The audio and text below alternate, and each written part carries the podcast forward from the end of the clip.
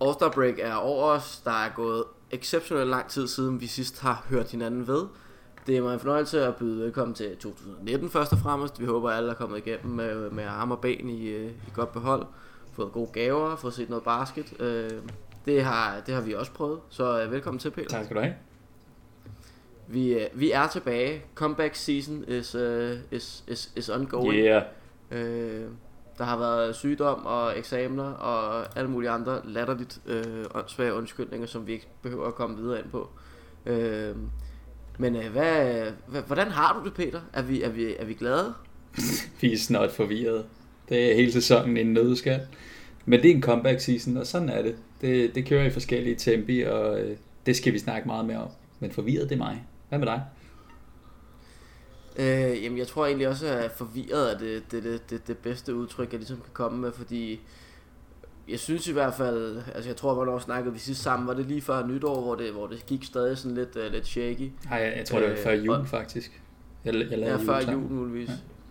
Men jeg, altså, jeg, man hører bare rigtig meget om, at øh, Boston er øh, ikke det hold, man troede, det ville være, og, øh, og hvad ligger vi, fire eller fem og stadig i, i øst, og, øh, og, og vi ser med Milwaukee buller der af, og, og det, det er bare sådan lidt, det er sådan lidt ambivalent, fordi vi har i teorien kun tabt, hvad, 3-4 kampe ud af de sidste 12 eller 15 eller sådan noget. Øh, ja, ja. Så, så, det er sådan lidt en ambivalent følelse, man sidder med. Ja, ja det, det, det, det understregede den gode uh, Morris også meget fint, ikke? Uh, så så det, det, det er jo ikke kun os. Det er, det er sgu spillerne, og jeg ved ikke om, jeg ved ikke, hvor cool de er i organisationen. Danny prøver, prøver altid at være cool, ja. så men der er mange af os, der er ret forvirret over den her sæson, og det er jo nok meget af det, som vi også startede sæsonen ud med, eller inden sæsonen sagde, der er, der er store forventninger.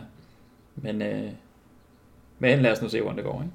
Og, øh, lad, os, ja. lad, os, lad os bare prøve at få os et overblik, Peter, fordi lige pt. ligger vi fire i hele NBA faktisk. Vi har den fjerde bedste record, og det giver os en plads som nummer bum bum bum Øh, det kan jeg ikke se nu. Men vi, vi ligger der på en 3. 4. 5. plads i Østen. Mm. Det er ligesom det, vi har arbejdet med. Vi har en record på 37-21. Vi er stadig on track til at få den her øh, 50 win season, ja. øh, som, som man håber, eller som man ligesom har skudt sig selv efter ligesom at, at nå. Øh, siden vi snakkede sidst, har vi tabt til, og nu skal jeg hellere passe på, vi er, er nævneværd, nævneværdige nævneværdige kampe, det er den tre game losing streak, vi har til Heat, Magic og Nets mm. øh, i, i starten af det nye år. Meget mærkeligt. Ja. Tre udkampe, vi, vi, vi, vi nærmest ikke møder op i. Øh, meget, meget underlige kampe.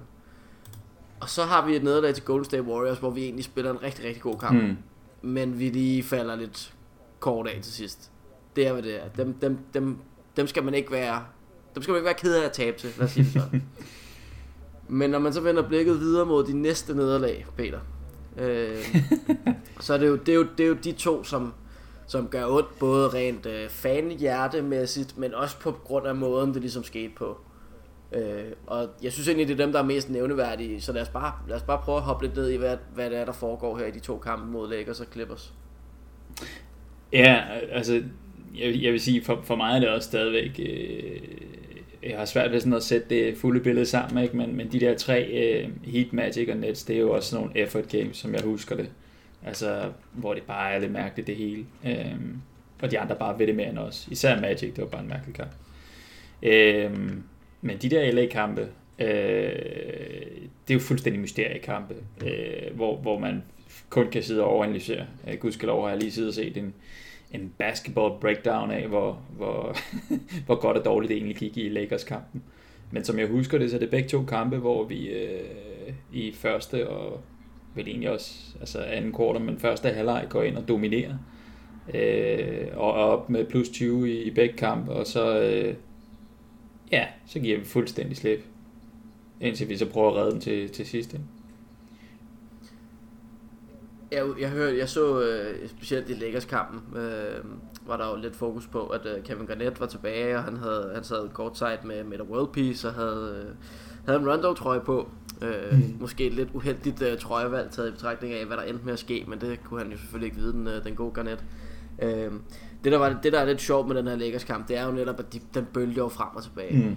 det, det, det, er, det er to hold, som har nogle, nogle unge spillere, som de, som de relyer lidt på, og, og jeg, jeg mener også, at det der Kyrie Irving, han er ude at sige bagefter, at Lakers lukkede alle hans passing lanes ned, og alle de lanes, han er vant til at se mange andre steder, dem så han bare ikke i den kamp. Altså, øh, ikke at han nødvendigvis spiller en dårlig kamp, jo. men jeg mener, det er der, hvor han er ude at sige... Det, det, jeg bliver nødt til at, at sige det, som jeg, jeg tror i løbet af første kvartal, der var sådan, at det her det er den mærkeligste øh, topkamp, eller hvad vi skal kalde den historisk, ikke? Det er det her Lakers øh, Celtics, og det er LeBron mod Kyrie.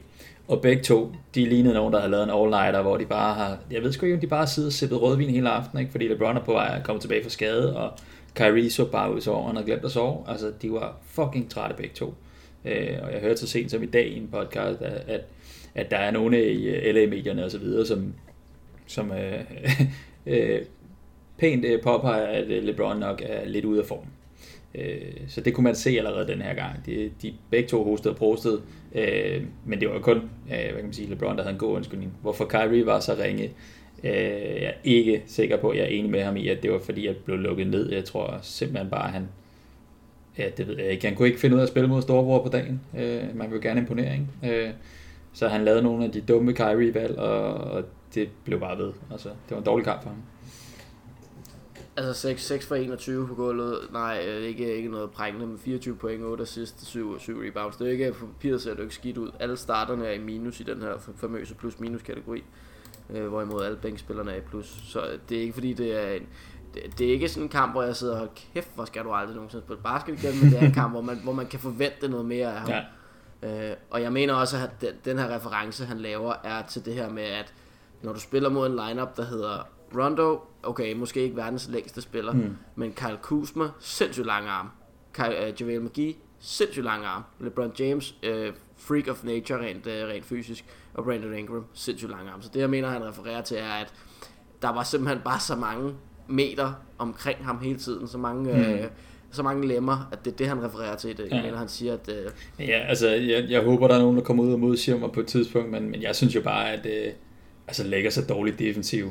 Og Kyrie, han, han, øh, han havde en ekstremt svingende kamp, så, så næsten hver gang han, øh, han, han fik bolden, som han jo godt kan lide at få meget tidligt og alt muligt andet, så gik han efter sådan nogle home run, run plays, altså han ville jo gerne være the man, og det var han bare ikke, og det, det fik han ikke løst, altså han fik ikke, hvad kan man sige, ændret sin indstilling til, at han øh, skulle fikse det, så altså, som jeg sagde til dig inde på den, der var øh, tre plays i træk, tror jeg, hvor han falder søvn defensivt, laver et mystisk latterligt turnover i den anden ende, hvor han sådan, øh, jeg vil ikke sige med lukkede øjne, men han laver et pass imellem to af vores spillere sådan ude i luften, øh, og det, de står altså, øh, den ene står i, i hjørnet på træerne, og den anden står i posten.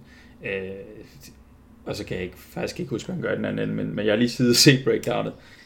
Øh, og, og det modstrider jo lidt den Kyrie, som vi faktisk har set meget af sæsonen, som har været meget defensivt engageret, og virkelig scrappy, og, og ikke så udtalt dårlig, som, som vi frygtede, han ville være. og det er jo også en, en Kyrie, der ligesom har været ude med nogle skader med noget knæ, og, øh, og ligesom har set sig selv øh, både på banen, men også uden på banen, være enormt meget i vælten, taget i betragtning af, hvad han... Altså, jeg, jeg tvivler på, at han er spilleren, der øh, der, der gerne vil være i søgelyset ude på banen. Altså jeg tvivler på, at han, er, han vil passe godt ind i en, øh, i en sådan Hollywood-rolle. Altså at være sådan en, en showtime spiller, hvor der var rigtig meget fokus på ham ude på banen også. Det, det tror jeg simpelthen ikke på, at han er.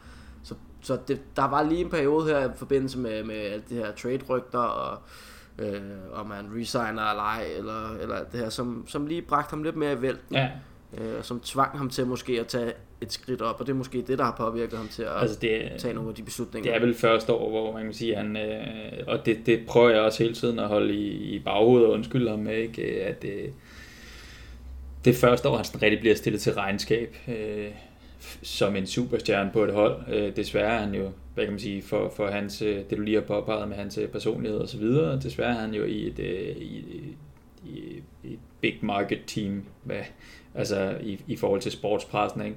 så han bliver virkelig øh, proppet i hovedet og røv med, med mikrofoner og kan, kan nærmest ikke få lov at, at, at komme med nogle af hans mærkelige bemærkninger længere. Øh, samtidig med at han jo så har valgt at, at udfordre sig selv meget med at prøve at være en bedre leder, hvilket jo heller ikke er gået skide godt.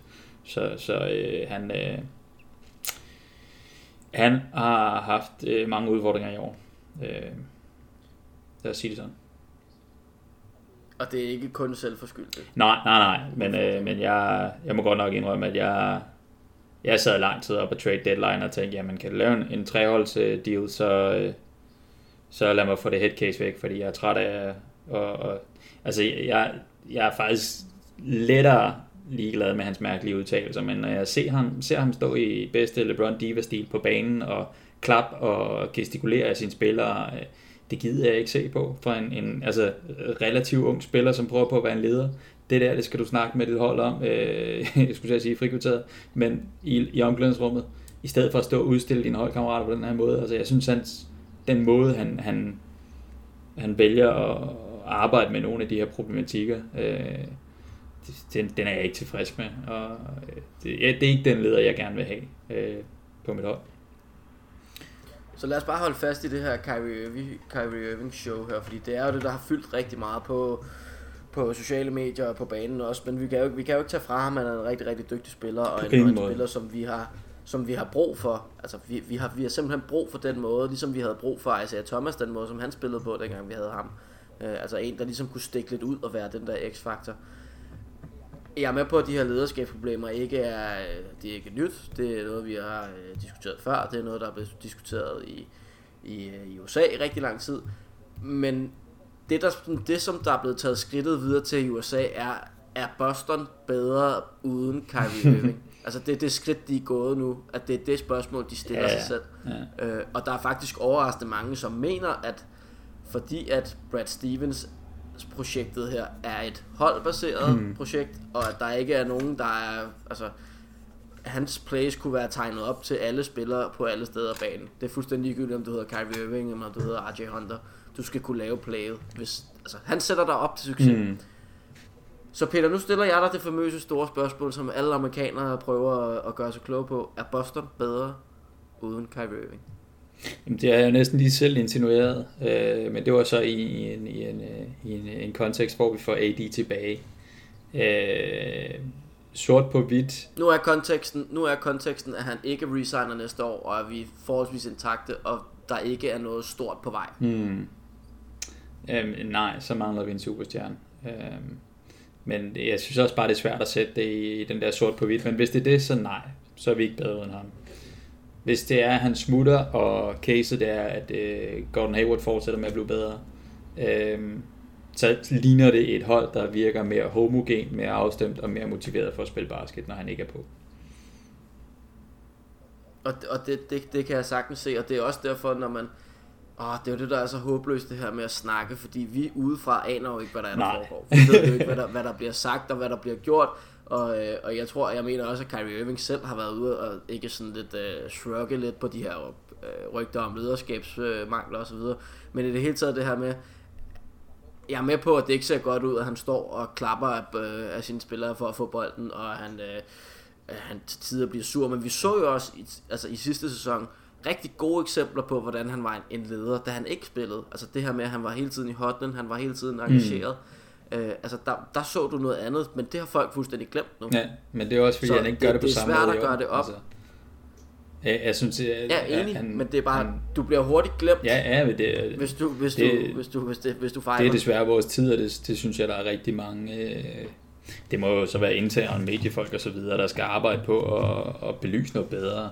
Det her med den her, øh, jeg skulle sige, mygge øh, døgnflue til de fleste har, ikke? også, nå, jamen det, det, det, det må jo være flere år siden, at, at vi... Øh, ja, jeg kan ikke komme med en god historie, men, men du ved, øh, på, den, på den måde, som det føles som det er 10 år siden, vi havde Isaiah Thomas, ikke? det var det 3 år siden, vi havde ham. Ikke? Øh, der sker så fucking meget hele tiden. Øh, at, at det nu er tilladt at have den her umådeligt dårlige hukommelse. Øh, så du har ret. Altså, han var bedre engageret sidste år. Øh, men, men det er jo også der, hvor jeg sidder i år og tænker, hvorfor, når han har så god en, en sæson i år, virker han så mindre øh, engageret på, på bænken. Øh, og der kan jo være tusind år, så, men, men det er sådan, jeg ser ham. Øh, altså, jeg, jeg ser ham være sådan lidt, lidt, lidt splidig og spydig, og, Og jeg har også øh, igen måttet tid udefra at kigge ind og tænke, øh, det, det har vi også snakket om før, det her med, jeg synes at Jalen Brown han blev lidt det sorte får i lang tid i, øh, i truppen. Altså han var den unge spiller, som ikke kunne leve op til forventningerne. Og jeg synes, jeg synes egentlig ikke, det har været særlig fair, fordi ved siden af ham står så den, hvad kan man sige, øh, i ligaen et år yngre spiller, øh, Tatum, som har øh, lignende fejl. Øh, men måske er, er det så her, hvor jeg godt gad øh, hæve en, en øh, hvad hedder han, vores, øh, vores gode Naismith-fan. Øh, og hvad hedder han? Det er lige væk for. College? College? Uh, nej, øh, nej uh, Spurs-fan, uh, basketspiller, lige stoppet. Og Mads Lige præcis. Og så sige, jamen, hvordan er de her forventninger uh, i forhold til, til en spiller? Altså kigger man meget på, uh, at du er rookie, og alle de her inddelinger, eller, eller, eller hvordan vurderer du dem? Fordi jeg, Ja, ja, altså når jeg sidder og kigger efter, så har Tatum nogle mærkelige swips, og han er stadigvæk idiot god til at hoppe på en pump fake. Øh, øh, så, så du kan sagtens spille ud mod hinanden, men når man så sidder og ser i kampen, hvem det er, øh, der, hvad kan man sige, Øh, bliver udpeget, og efter bliver udpeget, så har det været meget Jalen, og det kan jo også godt være, bare fordi han tager det, han, han ikke bare vender den anden kendt til. Altså, han har også stillet sig... Der er mange af de her ting, hvor, hvor det hele tiden er sådan lidt, jamen, der er så mange sider af det, som man ikke kan tage øh, sådan helt øh, isoleret, ikke? Fordi Jalen har jo også øh, haft en, en, en speciel offseason, ikke? Og, og jeg tror, det har på nogle måder øh, kunne, kunne sagtens pisse nogle øh, mere rutinerede spillere af den her unge fyr. Han render rundt med popstjerner og bliver trænet af Tracy McGrady og alt muligt. Hvem fanden tror han er? Ikke? Øh, kommer han tilbage til sin tredje års sæson og bliver ja, stille og roligt øh, rykket ud af rotationen. Øh. Det, der, der sker så meget, og det er fandme svært at holde styr på. Øh, så du bliver lige nødt til at tage det til zoom ud for mig en gang, fordi nu er jeg bare røget ind i en rant. Jeg vil gerne lede os hen mod Marcus Smart til allersidst, fordi jeg synes, han er en, en vigtig størrelse i alt det her. Det er fint at få den trækløver lige plads. Jeg, jeg, jeg zoomer lige ud for dig. Ja, tak. Øh, jeg, jeg er helt med på, at den her... Øh, det, det du i teorien siger er, at når spillerne ikke præsterer, nu var vi vant vi, vi er blevet for vant. Mm. Det, det er i teorien det, vi, vi, vi snakker om nu. Vi så Jalen Brown være fuldstændig, øh, øh, ikke anonym, men være øh, middelmåde i den første sæson, han spillede. Det var ikke, du får ikke et festfyrkeri fra ham. Du fik øh, et udviklingsprojekt. Mm. Så får vi sidste år fra ham en, øh, altså et, en, en, en pragtpræstation uden lige over en lang, lang stretch. Og vi skal lige huske at sige, at første sæson, ikke? det er der, hvor han øh, i princippet ikke står bag ved blandt andet en øh, Utah-mand nu, ikke? Crowder. Øh, jeg, jeg synes, det er vigtigt lige at belyse de her ting. Altså, hvor han er han i, i rotationen og sådan noget. Han er jo ikke først, ja. han er jo ikke først, øh, han er ikke starter der. Så han, han, nej, nej, men, men det går også lidt under min, min, min ja. tese om et udviklingsprojekt. Ja, ja, nej, altså, men, det, det er ikke der, vi forventer nej, noget. Nej, det, så, så husk, så kommer Hayward snakken lige om lidt. Kør videre.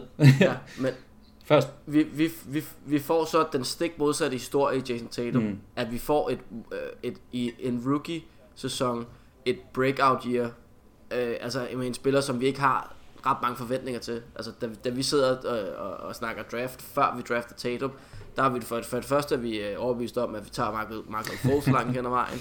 Øh, vi snakker om, øh, om de her 3-4 næste spillere som værende ikke rigtig, øh, altså ikke rigtig på niveau med Michael Foles overhovedet. Øh, og, og Tatum ved vi ikke rigtigt, om han har noget skud. Vi ved ikke rigtigt, om han er, er, om han er fysisk stærk nok til at spille i ligaen. Der er spørgsmålstegn omkring hans forsvar. Alle de her ting, som han rent faktisk bare fra dag 1 af nærmest går ind og modbeviser, øh, at, at han kan i NBA. Så det er to forskellige historier. Mm. Problemet med, og som du selv siger med James Brown, at han er det sorte for, for mig i hvert fald er, at når du har en spiller, som er yngre, som har, øh, som har, som også har i, er i frisk erindring om, at han er god, mm.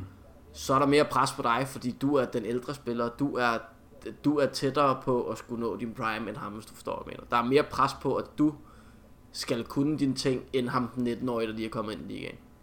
Ja. ja. Det, er den, det er den vej, jeg vil gå i hvert fald. Ja, men, men er det dig selv, der mærker det sådan, eller er det truppen, der forventer det sådan?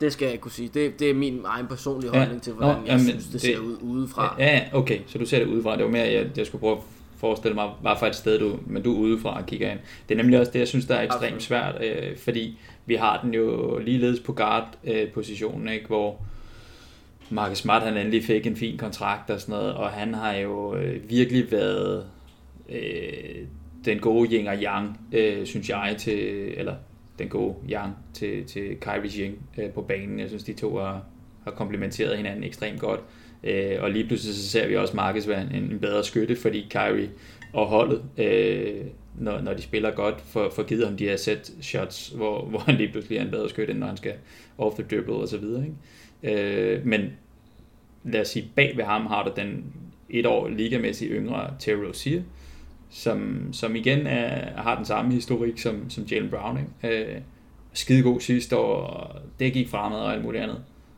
Og i år, der bliver han nødt til at trække sig lidt tilbage, fordi vi har så latterligt mange gode spillere, der skal have tid, og Hayward, han skal rehabiliteres, hvis jeg kan sige det sådan. Øh, så, så det ser ud som om, han har en dårlig sæson, ikke? og han forser spillet på banen. Og, altså, jeg synes egentlig, de to de, de er meget i, i, i samme situation. Bortset fra, at forventningerne måske er forskellige. Øh, så udefra se, der har vi selv om, at Brown havde en øh, god playoff og så videre, så har vi en forventning om, at han er sådan en øh, lockdown defender type, som, som sættes på, på modstanderens bedste. Øh, hvor at øh, Rozier-snakken er lidt anderledes. Det er ikke fordi, jeg siger, at de her de er, er, er så en, ensidige, vel? Men, men Rosier ham oplevede vi som en øh, clutch shooter og scorer og så videre. Ikke? Øh, så der tænker man mere, at det er det, man kigger efter. Øh, ikke så meget hans defense, hvilket han i øvrigt har ændret i løbet af sæsonen til, til noget, altså hvor jeg synes, han har lavet en fed ændring. Øh, nå, der fik jeg randet løs igen, og jeg tabte tråden. Øh, men jeg håber, du forstår, hvad jeg mener. Altså, jeg synes, det er en rigtig, det er en rigtig fed øh, sammenligning at have de her to mod to, hvis man kan sige det mm. sådan. Ikke? At du har de her to, øh, den her matchup, og nu kalder jeg det matchup, men en intern matchup mellem Jalen Brown og Jason Tatum, som i teorien går på forventninger kontra hvad der er blevet præsteret før. Altså det, det, det handler, det er forventningsafstemningen, der er skæv mm. Øh, på de to, fordi de begge to gjorde det godt, bare på forskellige tidspunkter i deres karriere, men på samme tidspunkt i, øh, i den samme sæson. Mm. Derimod er Marcus Smart har jo ikke han har jo aldrig rigtig ramt et, et kæmpe, kæmpe topniveau. Altså, vi har jo ikke set ham brænde, brænde offensivt. Mm. Vi har jo aldrig rigtig set ham brænde fuldstændig igennem og være the guy. Nej som vi så Terry Rozier være. Nej, i hvert fald ikke. Han har haft sådan en enkelt kamp, ikke, hvor Rozier har haft en, en længere stretch.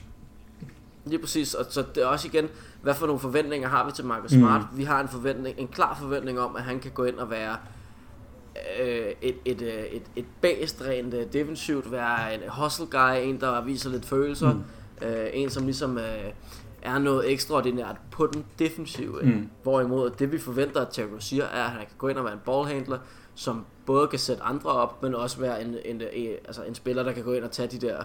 Øh, ikke på samme niveau som en superstjerne kan, men gå ind og lade, være den der sikre 10 point spiller for bænken mm. indtil videre, og på sigt blive på, på, på Igen, det handler altså om en forventningsafstemning for mig i hvert fald. Og det der så har været interessant ja, i den her sæson, ja. er jo også netop at Gordon Hayward er blevet mixet ind i det her mix. Ja, ja, ja men det er ekstremt stor joker i det hele, og en kæmpe faktor.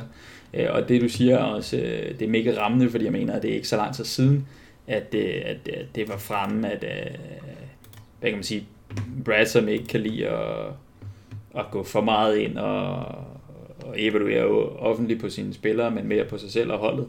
Øh, han også siger noget i retning af det her, at, at hvis, hvis der er nogen, der stadigvæk i dag, eller altså jo, i dag, nu står og, og øh, har en forventning til denne sæson baseret på sidste års spil, så er det fandme dumt.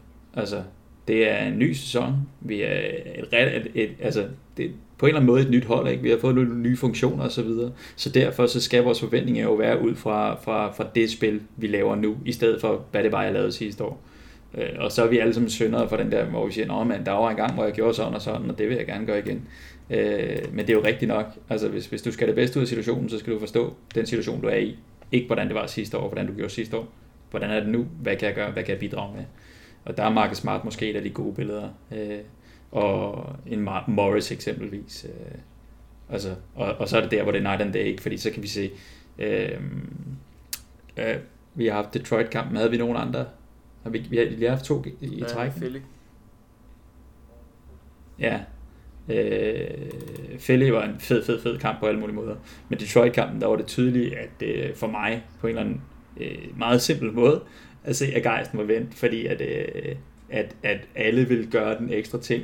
Så der var flere defensive plays, hvor jeg nærmest så fire Boston øh, spillere, der vender sig om øh, efter skuddet, og, og hopper op efter rebounden. Altså lige, det, det er det, vi snakker om i, jeg ved ikke hvor mange år, ikke? Altså rebounding, det er et issue, og det skal vi forsøge at fikse. Øh, så, så når de har den rette indstilling, jamen, så sker det. Og når det så går øh, dårligere, øh, så sker det ikke. Og, og, og, og, og det er jo også det, der er lidt sjovt, fordi nu vi, vi, vi snakkede lidt kort om det her med, øh, hvem, hvem for holdet synes du er, øh, er den bedste talsmand udad til? Hvem, hvem vil du synes, der skulle være øh, talsmanden til medierne, hvis du skulle tage en spiller for holdet? det kommer lidt an på, hvad, hvad, hvad der skal snakkes om. til alt. Alt det positive, alt det negative, alle medieomtaler, alt. Altså, det, den bedste diplomat, det ville være Al Horford, ikke?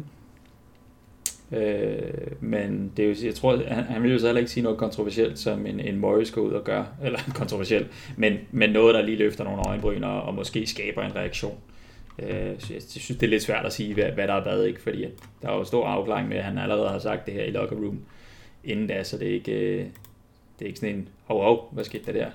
Øh, men jeg vil mene, at det er Al Horford, der, der, der er den mest sikre talsmand, øh, mest velovervejet i hans kommentar, øh, hvor øh, Gordon kunne måske have potentialet, men han kæmper så meget øh, en intern kamp. øh, og og jeg, jeg, har sådan hele tiden Marcus Smart på periferien navn, som, efter. som en K1. Han, Det var det navn, jeg ledte efter. ja, ja, Fordi- lige præcis. Altså, det, jeg der er det så, godt. det, der er så fantastisk med det her hold på en eller anden måde, øh, og det er jo også lidt en, en curse for os. Han er jo den eneste spiller tilbage på holdet, som har været der i været mere end tre år. Øh, han er den eneste, der kender Mm. organisationen indadgående, og er blevet, er blevet draftet af klubben øh, i, i, i en længere periode. Men hvis, hvis, det er fordi, vi har snakket om, at han, vi har ikke hørt så meget fra ham. Vi har ikke hørt... Øh, øh, vi har ikke hørt de der klassiske Marcus Smart udtalelser, som har været et gennemgående billede de sidste mange år med, så han skulle svare på, at øh, han ikke kan skyde træer, og så kom der lige en eller anden kæk, øh, kæk bemærkning på, på, på, på, den, på den bekostning. Mm. Hvor meget tror du, at det har... Øh, åh, hvordan skal jeg forklare det? Hvor meget tror du, at Marcus Smarts øh, mangel på udtalelser, kontra at øh, Marcus Morris pludselig åbner munden og snakker om det her med gejst og, og stolthed. Hvad, hvad tror du, de har med hinanden at gøre på det punkt? Hvad tror du ligesom har... Øh, har hvad tror du klinger mest i, i, øh, i, i holdets ører, når, når der er en, der siger sådan nogle ting her? Det er fandme et godt spørgsmål. Øh, altså, Morris er jo veteranen i den sammenhæng, ikke? At, at Mart, altså Smart er jo også, øh, han har også opnået den status nu. Øh, øh, så, og jeg tror også, altså det, det, det er måske det vigtigste der også, fordi der er en alders øh, ting, hvor øh, når du ser på deres interagerende med holdet, så øh, så er Morris med en storebror for, for halvdelen af truppen, en, øh, en Smart er. Øh, han, han er stadigvæk bare den her... Øh, crazy workhorse, øh, som, som virkelig gør noget sindssygt for holdet, ikke? Men, men måske ikke på samme måde øh, af, af en visdomsmand at, at gå til. Så jeg tror, det har større effekt på holdet, når Morris siger noget øh, i, øh, i, i, i, en, i en rolig tone. Ikke? Øh, fordi der var også tidligere på sæsonen, hvor, hvor Smart han øh, rejste sig op i, i locker room og sagde, nu er jeg kraftet mig stemple ind og lave noget. Ikke? Øh, og det havde vist også en effekt dengang. Øh, så Ja, Jeg, jeg, svarede det på dit spørgsmål. Det, netop det her med, at når der, når der er en spiller, som måske er lidt ung, men har en status i truppen, øh, grundet sin anciennitet, og han har været der længe, og han er vel, for, formodentlig vældigt. Men når han siger noget, så lytter du. Men er effekten der, når det er en spiller, som ikke er øh, rutineret? Altså ikke en, en lidt ældre, eller en yngre Mm. rev, hedder det. Hvorimod at du har Marcus Morris, som har været mm. der i et par år nu, øh, med svingende resultater. Det er blevet, altså det har været godt, men det har også været skidt, og der har været nogle skader. Når han så åbner munden, og vi i teorien får samme effekt ud af det, øh, altså øh, som, som vi snakker om, at, at, vi, at vi svarer tilbage og får, får de her to sejre over Philly og, øh, og Detroit, hvor du, hvor, som du siger, med bedre rebound øh, effekt. Er det så ikke lidt tankevækkende, at man ikke øh, er mere vokal udad til, i stedet for at vi bare har, vi har måttet tage imod rigtig meget som hold de sidste par måneder med Kyrie Irving og det her skidt, og at vi ikke ser ud, som vi, som vi burde. Jeg synes bare, det er tankevækkende, at man ikke er mere vokal udad til, øh, for eksempel som Marcus Smart, øh, når, man, når man står i den her situation, og man har brug for at, ligesom at svare igen. Øh, hvad, hvad, hvad synes du om det? Og jeg synes, det er svært helt at gennemskue øh, de spørgsmål, men fordi øh, det er jo tilbage til Kyrie snak, ikke? At, at jeg ville ønske at generelt, øh, og det kan godt være, at det er sådan et gammeldags, ikke? Så, så vil jeg da helst have, at, at de øh, klarer de fleste af deres issues øh, inde i truppen, altså i klublokalerne og, og i omklædningsrummet, og ikke øh, på den måde skal, skal ud og på en mystisk måde motivere hinanden igennem øh, indirekte presse, pressetale. Det, det, det kan jeg egentlig ikke særlig godt lide. Det kan godt være, at det er sådan, vi i nutiden øh, også bliver nødt til at arbejde, eller holdet også bliver nødt til at arbejde, fordi det, det er jo tydeligt, at, det, at de er aktive på rigtig mange sociale medier. Øh, så, så hvis ikke de hører efter i omklædningsrummet, så, så er det en anden måde at gøre tingene på. Men, men jeg kan nu bedre lide, øh, at man kan se hinanden i øjnene og, og få afklaret nogle ting, i stedet for at skulle... Øh, skulle afkode øh, et, et øh, medieinterview eller en tweet, eller hvad fanden det er. Jeg synes bare, at det narrativ, der har været omkring Boston hele året, har været overvældende negativt. På alle mulige fronter. Der har været mm. alle mulige grunde til det. Nogle øh, mere valide end andre. Øh, jeg synes bare, at når man ser, at det er jo ikke kun os, der kan se den effekt, at når der er nogen, der siger, at uh, we have to pull ourselves together, eller this is some bullshit, we need to, bla bla bla. Altså når der er nogen, der er åbenmundet omkring problemerne, så synes jeg bare, at når man har muligheden for at skabe sit eget narrativ, og ligesom at vende den her øh, fra negativt til positivt, mm. så skal man gøre det.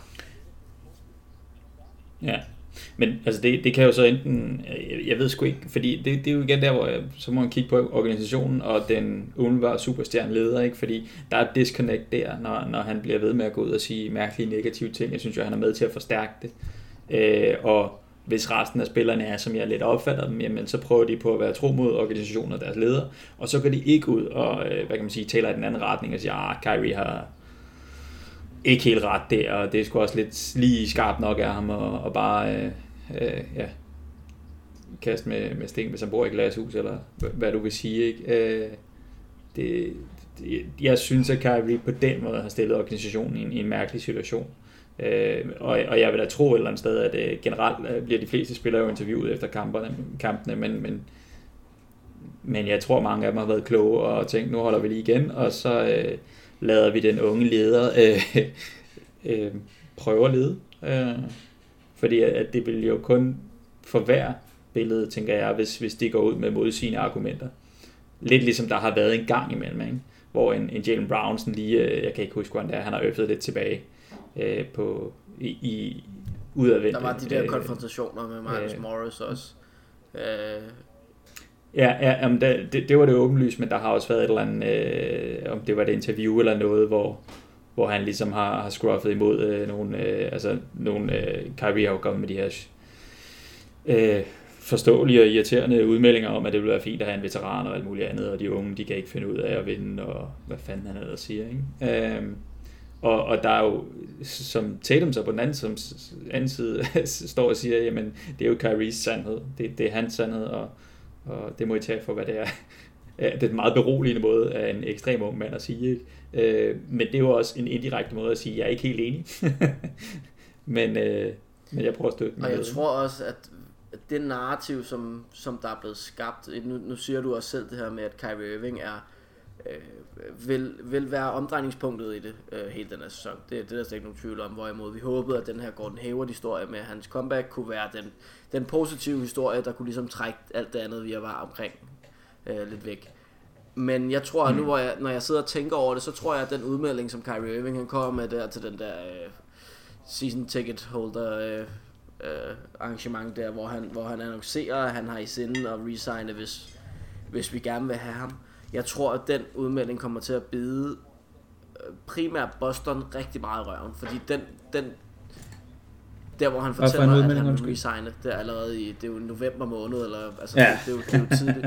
Jeg tror, at The den, engagement. den udmelding kommer til at bide Boston i røven, fordi at når, når du lægger alt det her sammen med det rygte, som vi har fået øh, i forbindelse med Isaiah Thomas traded, som, altså som Anthony Davis' far er ude og sige, at øh, han vil ikke have, at hans knæk skal spille der, fordi de ikke respekterer deres spillere.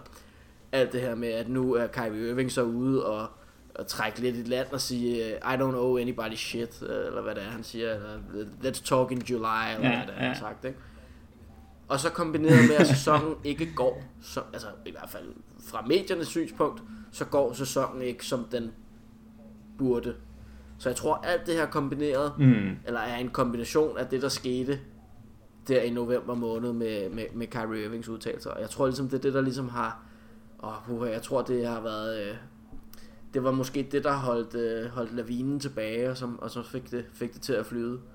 Øh, Jeg ved ikke, hvordan du ser på den situation, om du Mm. er enig, eller om du mener, at det er noget, der, der trækker sig længere tilbage. Ja, at, altså, jeg, jeg tror, vi begge to var sådan lidt, nå, og det var sgu da, det var noget af en udmelding, og lad os nu se, agtig, øh, da- han kom med den. Øh, og jeg, synes i det hele taget, at det var sådan, altså, det var en flot erklæring, men, men som vi begge to sagde dengang, at det skal vi lige se på sort og hvidt før, øh, før vi tror helt på det.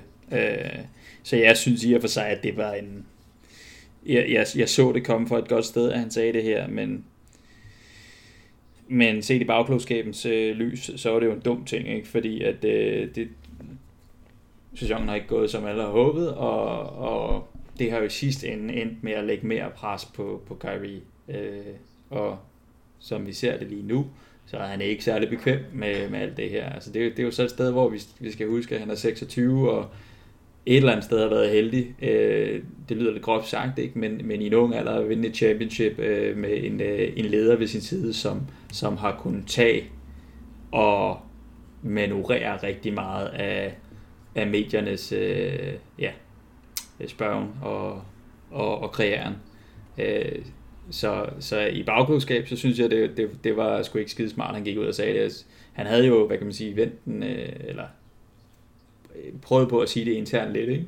Men, øh, og, og jeg synes, det, det kom fra et godt sted, men, men desværre så, øh, så ja, har sæsonens øh, forløb i øh, præsteren øh, på, på, hvad kan man sige, spille, spille jeg skulle lige sige glæde, sige, sige glæde men, øh, men det gode spil ikke matchet op med de forventninger, der har været, og det har lagt mere pres på Kyrie øh, Det jeg sidder og tænker mest over nu, nu kan, altså, nu kan jeg selvfølgelig ikke huske, hvornår præcis det kommer, øh, det her, den her udmelding. Men der er jo den der win streak på en, en, en 7-8 kampe der i, i slutningen af november, start december. Ja, uanset hvornår den her udmelding kommer, hvad er det så, man vil kunne vinde ved sådan en udmelding? Altså jeg er med på, at det kan skabe et, et moralsk boost, men det er jo også bare, det er en sort, ikke en sort sky, men det er en sky, der hænger over, over organisationen, at okay, jeg vil sgu gerne være her, hvis det er, men så kræver det også, at der, at der altså, I vil have mig, og at, at, man, at det kan fungere, har det jo så beviser. Ja. ja, og det er også, altså det er jo, øh, ah, det er svært nogle gange, fordi nogle gange så ville jeg ønske, at jeg ikke selv var, hvad kan man sige, så, så fascineret med, med hele NBA-livet. Det vil sige, det vil sige, at jeg sidder og hører podcast ved siden af, ikke? også med folk, der spekulerer i, i øst og vest. Det er ikke fuldstændig åndssvagt podcast, det skal lige siges, det er nogle ret valide nogen, men der er også nogen, der siger, jamen, det her, det kunne jo også bare være en finansielt smart presbold af Kyrie, øh, og ligesom øh, i og med, at han gør det her så tidligt, gå ud og sige til Celtics, jamen øh, giv mig den her store kontrakt, så bliver alt godt, ikke? Altså giv mig en fem års supermax og, og hvad det ellers hedder. Øh, det, det, det er der nogen, der har gidsnet i. Jeg ved ikke, om manden han er så genial. Øh, fordi jeg tænker egentlig, at han, hvis, hvis det nu var mig, der var den her spiller, som, som tænker, øh, det her kan jeg godt lide, det er et godt sted at være, Øh, og, og jeg har før oplevet, hvordan, øh, hvordan det er at være på et hold med en superstjerne, hvis øh, fremtid er usikker, øh, A.K.A. LeBron, øh, hvordan det påvirker holdet og, og, og mediedækningen. Så jeg går sgu ud og siger, folk, jeg bliver her, det, behøver, det behøver I ikke snakke mere om. Den er sikker, jeg bliver her, hvis I gerne vil have mig. Så snakker vi ikke mere om det. Det, det var egentlig sådan, jeg så ham øh, prøve at gå ud og sige tingene. At det så ikke har været resultatet, øh, det er pisse ærgerligt. men det var den hensigt, jeg blandt andet øh, men det, så i Men det. det ligger jo så også meget godt op til, at alt det, vi sidder og snakker om med Kyrie Irving nu, enten så er han en, øh, en, en, altså en fuldstændig wacko, der bare taler, før han, øh, før han tænker, eller også så har han altså et eller andet... ja. øh, så, så er der sgu rimelig mange brækker at rykke rundt med, fordi der er så meget tvetydighed i den måde, man kan opfatte de ting på, han siger. Øh, ikke nødvendigvis ja. på, hvordan han agerer, fordi han, han, altså, han stiller et par 20 point og, og, og spiller fine, fine kampe, øh, mildt sagt. Mm. Så, så jeg tror helt seriøst, ikke? også det der Flat Earth show, han havde gang i, ikke? Jeg, jeg skulle lige til at sige der er noget, Jo, der er er noget jo flad. vanvittigt inde i ham, og jeg kan ikke rigtig om det er en, en god vanvittig, eller en rigtig, rigtig mærkelig vanvittig. Nej, jeg tror, han er en lille widow. Øh, på, på sådan en cool... Øh, øh, ja, jeg skulle til at sige smoking weed every day-agtig måde. Øh, men det vil nok være lidt, lidt for groft, øh, så det mener jeg ikke. Øh, men, øh, men jeg synes, han er lidt wacko, lidt, lidt skør i... Øh, ja, som du siger, øh, får nok nogle gange talt, før han får tænkt sig om. Øh, og så har han alligevel været længe nok i mediedækning til, at han har, har lært at, at ja, svømme baglæns brystsvømning eller eller andet. Altså han kan sno sig ud med de her fuldstændig mærkelige sætninger, hvor man, altså, folk bare står bagefter og tænker, hvad fanden var det, han sagde der? Men, øh, men jeg, jeg, jeg, jeg, jeg hælder til, at han, han er lidt mærkelig i hans, øh, i hans hoved. Og hvis vi... Øh, Så det er, ikke, det er ikke rart at sige om vores lyder. altså, det er altså ikke jeg helt ved godt. ikke rigtig, hvad jeg skal sige til det. Altså, det, det, det, Nej, men, men lad, lad mig lige prøve at, medmindre du har en anden fed overgang, så har jeg lige et spørgsmål til det her. Øh, fordi det har jeg siddet eller gået og, og skumlet over, ikke også? Øh, vi havde en, øh, en trade deadline, hvor vi ikke gjorde noget, og det, det var der mange årsager til. Men øh, så har du spurgt, til mig, øh, spurgt mig til, hvad, hvem er lederen, og hvem burde være lederen osv. Ku, kunne vi gå ud med, med den trup, vi har i dag, uden at hvad man sige, kaste kisten fuldstændig over bord, kan vi gå ud og få en bedre leder, eller har vi lederne? Altså det har vi snakket meget om, ikke også? Men, men jeg kan sgu ikke rigtig finde ud af, hvordan man løser situationen, for det er også lidt derfor, jeg er tilbøjelig til at sige, send nu bare Kyrie videre, og det er ikke fordi, jeg siger, lad ham gå i free agency, øh, men, men jeg har det ret svært med hans lederstil, og derfor så overvejer jeg, hvad løsningen er. En af løsningerne kunne være, at Gordon bliver ved med at blive bedre, og han derfor tager noget af, af mediedækningen og siger de rigtige ting. Øh, Al har også spillet bedre og været lidt bedre, eller lidt mere i, i dækningen, ikke? Men, men de to er jo sådan lidt passiv i deres personlighed i forhold til det her. Så jeg, jeg ser dem ikke som dem, der går ud og tager over i, i medierne, og det ser jeg lidt som et problem.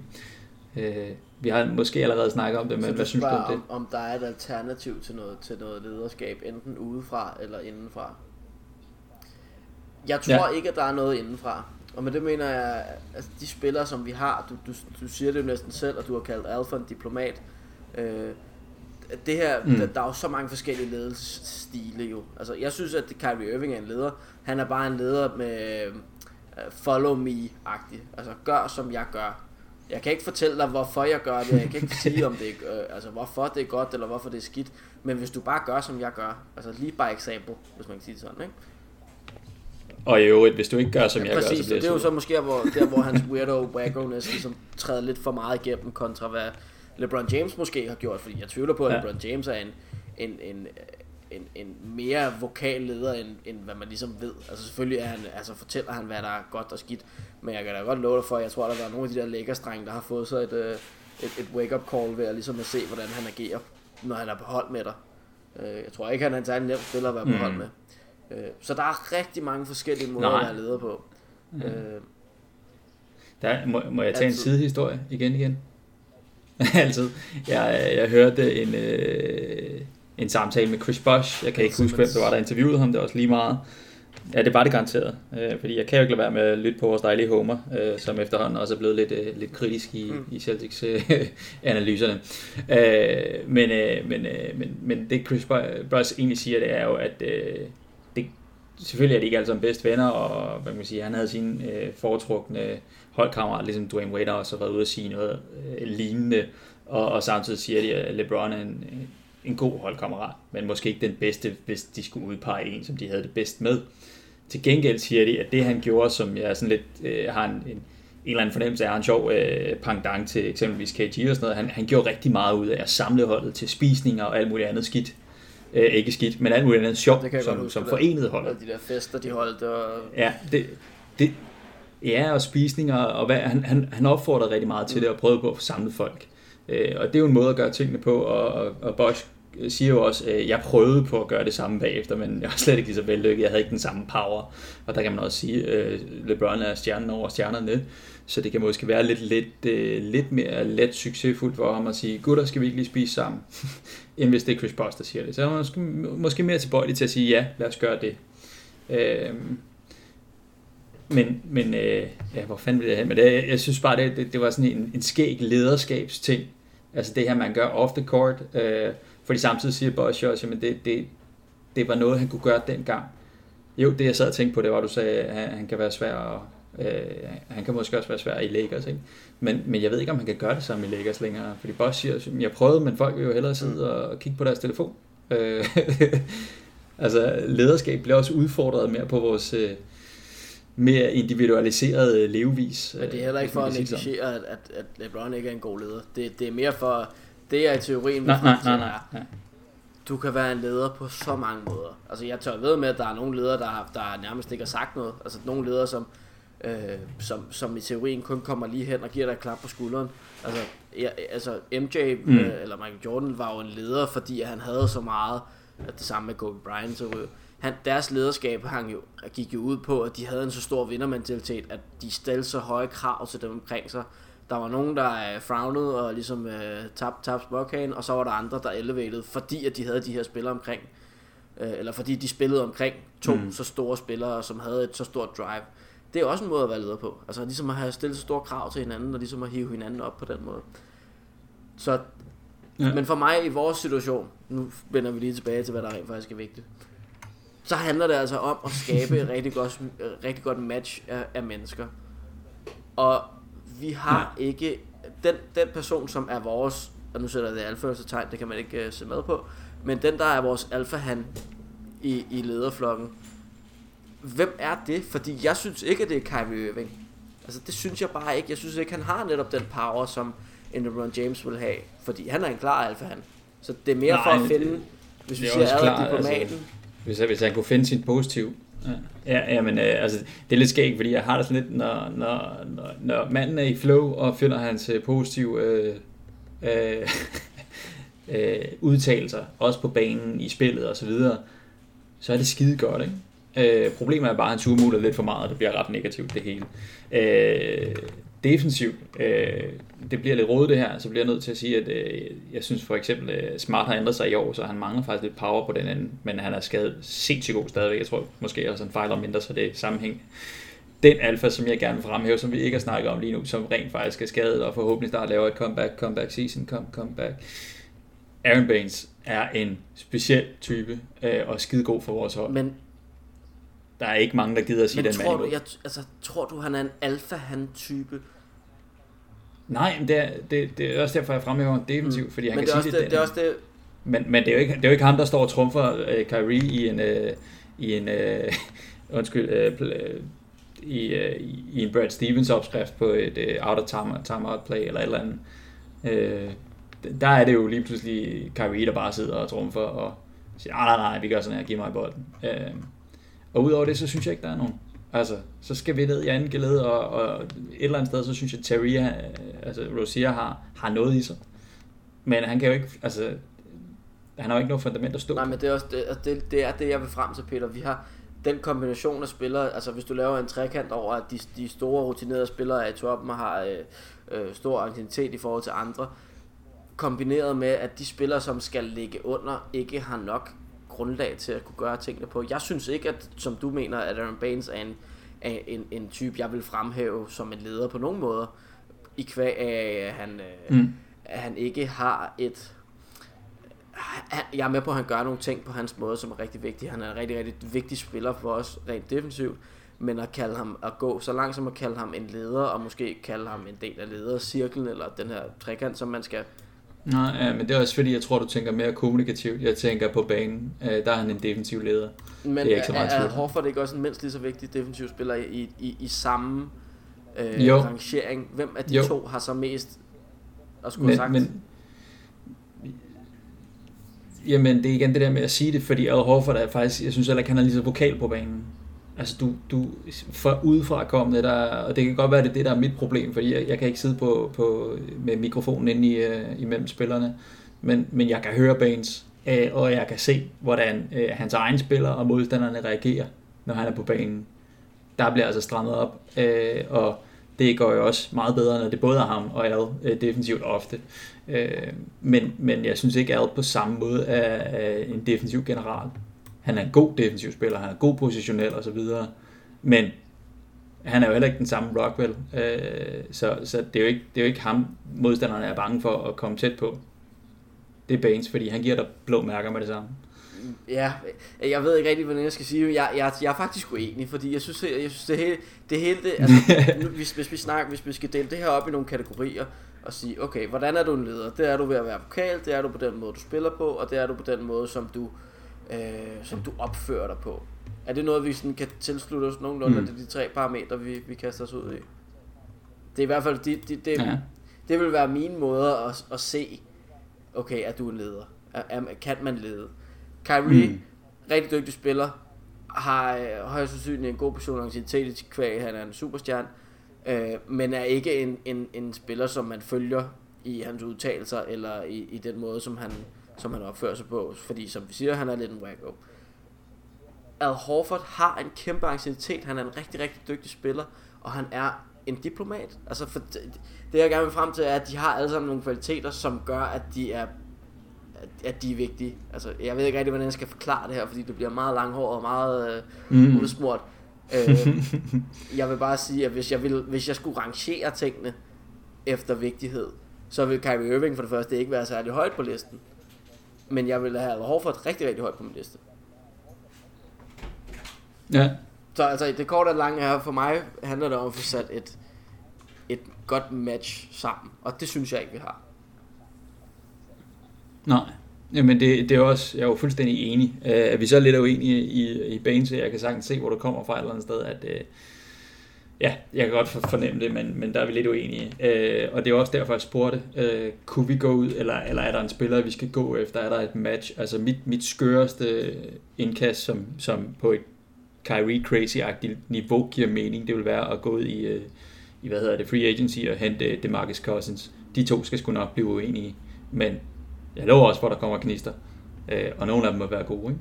Altså, han har da i hvert fald øh, også en mening om tingene. Øh, men, men har det, det er jo ikke fordi, jeg vil have, at jeg, at jeg er ikke fuldstændig øh, superstjerne blind, så jeg vil have en større superstjerne end Kyrie. Og spørgsmålet er også, hvor mange af der er dem, ikke? Altså, så, så det er rigtig svært at, at, at finde ud af, hvordan man skal justere det her. Fordi jeg, jeg synes eksempelvis, når jeg kigger, og det, er jo, det skal siges, det er ikke hver dag, jeg sidder og, og, og nærstuderer Anthony Davis, så virker han sgu også lidt indadvendt. Jeg, jeg forestiller mig, i, i en råbematch, der vil det stadigvæk være Kyrie, der råber højst af de to. Øh, så, så jeg, ser da ikke ham som en, en løsning øh, på lederskabet. Nej, nej, det, det, det tror jeg heller ikke, og det er også derfor, at for, for at svare, ende med at svare på dit spørgsmål, øh, så tror jeg, jeg tror ikke, at der er nogen spillere, som, det, altså, der er available i det hele taget, øh, men jeg tror ikke, at der er nogen spillere derude, som altså ud over LeBron James selvfølgelig, som er en født leder på alle parametre, altså som kan, som kan dække hmm. alle roller i, øh, på, på et mandskab. Det tror, no. det tror jeg ikke. Øh, så, så jeg har no. ikke, og det er måske også derfor, hvis du kigger på vores rosterliste nu, ikke? Nu, nu vender jeg lige et, et helt andet sted hen. Mange af de her hold, øh, som LeBron James tog langt i finalerne, mange af de hold, som øh, øh, som Kobe Bryant tog i, i, i finalen dengang, og så gar også med MJ dengang. Du havde en klar starting lineup, og så havde du måske en eller to unge spillere, eller nogle specialister, og så havde du altså fyldt holdet op med rutinerede ræve, som kendte deres roller, som vidste, hvad de skulle, og som kunne give noget til de her spillere, som skulle hives op. Den opbygning er der ja. overhovedet ikke på vores roster. Altså, nej, nej, og, der, og det, er også, det, det, er jo også derfor, at, at de der øh, passive-aggressive udvældinger for Kyrie giver mening også. Jeg vil gerne have en 17-års veteran. Om det så er Carmelo Anthony, han snakker om, om han, øh, hvad kan man sige, om hans veteranro vil hjælpe på nogle ting, det kan være. men i mange af vores optikker, tror jeg, så er han bare ikke øh, helt det forbillede, vi har brug for. Øh, men, men jeg er enig med dig, altså, men jeg, jeg sad jo også og tænkte, uh, hvis vi bare lige havde været heldige for, for et par år siden, og det ikke lige var Celtics, vi var. Øh, eksempelvis hvis vi var et, et, et up-and-coming Wizards hold og fik en Paul Pierce. Det var sgu en god veteran at få ind, ikke? Ja, ja helt præcis. Og ja, det er også bare, nu er det, nu er det, nu er det fordi, det ender med at være, at vi er igen tilbage til det der med forventningsafstemningerne. Ja, vi har rigtig, rigtig dygtige spillere, men hvis du kigger ned ad vores liste over, hvor mange spillere, der rent faktisk har, har rutine i, og, i en NBA dagligdag. Terry Rozier har tre år, Mm. Jalen Brown har to år. Uh, Jason Tatum har et år. Det har Shemi Ojale, Jabusele og Daniel Theis også. Så er der to rookies i Brad Wanamaker og Robert Williams. Og så er der et par spillere, som har 4, 6, 7. That's it. Og så er der Al Horford med 11, som er den eneste, som har været igennem møllen mere end altså en, en håndfuld gange. Hvis du kigger på de hold, som Mm. har været i finalerne de sidste mange år, så er det altså spillere, der har der er langt størstedelen har plus 6 eller 7, 8 år på banen. Og så har de måske en enkelt rookie Ja. eller et par, et par andre tredje årsspillere. That's it. Så altså, altså Mm. så er vi tilbage igen. Ja. Er, der, er der simpelthen for høje forventninger til det her hold, i forhold til, hvad der er, altså, Ja, hvad der men er legit? Det, det er i hvert fald det, som, som jeg nogle gange jeg, jeg har stusset lidt over, når, når jeg har hørt det og læst det i andre medier, ikke? Også, hvor, hvor de siger, øh, problemet er, at vi har de her udefinerede up-and-coming spillere, som, som hvad kan man sige, holdet på sin vis øh, har brug for af nogle glue guys, altså nogle veteraner, som gør det rigtige. Øh, dem mangler vi. Øh, for nu, nu sad jeg også lige og kiggede på listen og ser, at det er klart, at Al Horford, han er, han er den ældste NBA-veteran, og derefter så ligger de et felt på en 5-6 spillere, ikke? Hvor, hvor, hvor Gordon i Delmar har spillet et år mere end Kyrie og, og Morris, og så har du Aaron Baines som den næste. Øh, men, men det er nemlig der, hvor at, at hele, hele home ligger, at, at, at resten af vores spillere er for unge til at have den her rutine og, øh, og ro i sig selv i forhold til at, at øh, Brad Stevens havde jo, at vi siger det her, men, men spille sin rolle på holdet ikke? Og, og bidrage med det, der er nødvendigt. Øh, og, og det er jo også derfor, at jeg nogle gange øh, ret ofte øh, har lidt mere lyst til at, at, at satse på, på de young guys og udvikle dem. Og, øh, ja, jeg har ikke så travlt med det mesterskab. Jeg, jeg, jeg, jeg har desværre ikke fulgt dem fuldstændig stringent, vel, men, men jeg sidder meget, når, når vi har det her problematik, som ikke er fuldstændig ens. Øh, men, men når vi har det her op, unge up-and-coming hold, så sidder jeg og tænker på, hvordan gjorde de egentlig i Golden, uh, Golden State? Uh, der fik de så en uh, Andre Iguodala ind, som, som en veteran, der ikke havde behov for at styre det hele. De var også heldige, Golden State.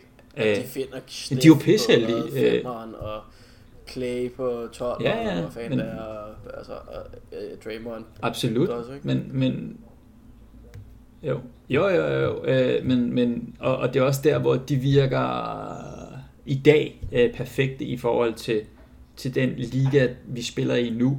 Men for, for fem år siden, der var man ikke sikker på, om Draymond var god nok og så videre. Og det, det jeg prøver at sige, det er, om, om det er så superheld eller om det er super GM'ing, så har vi en, øh, en måske uh, to be superstar i Tatum. Uh, vi har en rigtig god spiller i Smart, som efterhånden uh, ja, han er veteran nu, ikke? Og vi har en, en, en ret god Jalen Brown, uh, og en god Terry Rozier, som, oh, det her det har jeg tænkt over længe. Hvordan er det, han, uh, han kom jo senere ud end de andre, ikke? Ud af... Det er det, man er hele tiden øh, øh, ud, af, ud af college, så han er faktisk 24. Øh, Ja, han havde et år mere, ikke? Og, Ja. 4, 94 og 3 år. Jo, jo, jo. Så det der, hvor folk sådan nogle gange siger, ah, bare skyd, øh, skyd øh, Irving videre, og vi har Rozier og sådan noget, der er to år imellem de her to spillere, og, og i et vakuum, der må Kyrie jo nok være øh, væsentligt bedre, ikke? fordi at det også er en, en offensiv liga. Øh, jeg synes, øh, at Rozier er en, en væsentligt bedre defensiv spiller, men han er også mindre. Øh, ja, det, det er ikke nogen diskussion, der er værd at bruge tid på. Øh, men, men det er, det er gåden, og det er den der kæmpe, kæmpe, kæmpe opgave, som, som Stevens han, øh, han, han prøver på at løse, hvordan, øh, hvordan får jeg det her hold til at hænge sammen. Øh, fordi øh, han, han, han er jo ikke typen, der går ind på den måde, og tror jeg, eller det er sådan, jeg har oplevet ham, ikke? at han er ikke en, der går ind og siger, du gør sådan, du gør sådan, du gør sådan, og sådan er det bare. Øh, han siger, du har det her, du kan byde ind med, og du har det der, og det skal I finde ud af. Så han, han du ved, han, han overlader det lidt til dem og, og også at være med til at, at definere nogle af, af rollerne og, og aftalerne. Det er i hvert fald ikke en, øh, en, en konsekvent Brad Stevens, vi har haft med at gøre de sidste mange år. Det, Nej. Nej, men han, han har jo faktisk lige arbejdet ja. på det, som du så i mine noter. Og jeg var fucking ja, jeg, jeg, jeg har ikke selv set det, men jeg, altså, jeg, jeg, jeg, jeg, jeg kan næsten fornemme, at, uh, at det er sådan noget, der får ens blood boiling, ja. når, når der sker sådan noget. Ja, det, det er awesome. Altså, han, han går ud efter Lakers kamp og siger, jamen, jeg må jo se noget først og fremmest, og så må vi se, hvad der sker derfra. Øh, og en af tingene, det var ligesom det her med at være lidt mere så konsekvent, fordi at øh, der i spiller truppen på den ene eller anden måde er nogle forskellige statuser, så, så som øh, Tatum, han er vores lille baby superstar, ikke også, og ham kan alle lide, og så videre. Øh, så derfor, øh, lidt af den snak, jeg havde med ham versus Browning, jamen så får han nogle gange lov at blive længere på banen, øh, selvom han laver de samme fejl. Øh, og så hopper vi så lige over til, det må være Detroit-kampen, fordi det er den, jeg har nyest i.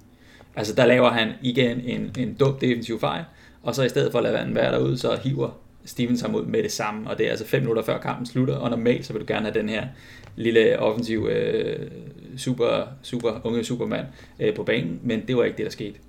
Han måtte lige sidde og bide lidt i håndklædet et par minutter, og så rejste han sig op og hæppede på hold, holdet, fordi at det er det, en god holdspiller gør. Øh, og så lærte han måske også, at jeg skal faktisk lade være med at hoppe på den fucking pump fake værker. Jeg tror måske også, at han, jeg tror også, at Brad Stevens er blevet lidt mere... Øh, jeg tror, han er blevet enig med sig selv om, at han kan ikke være spillernes ven længere. Jeg tror ikke, at han kan... Øh, mm.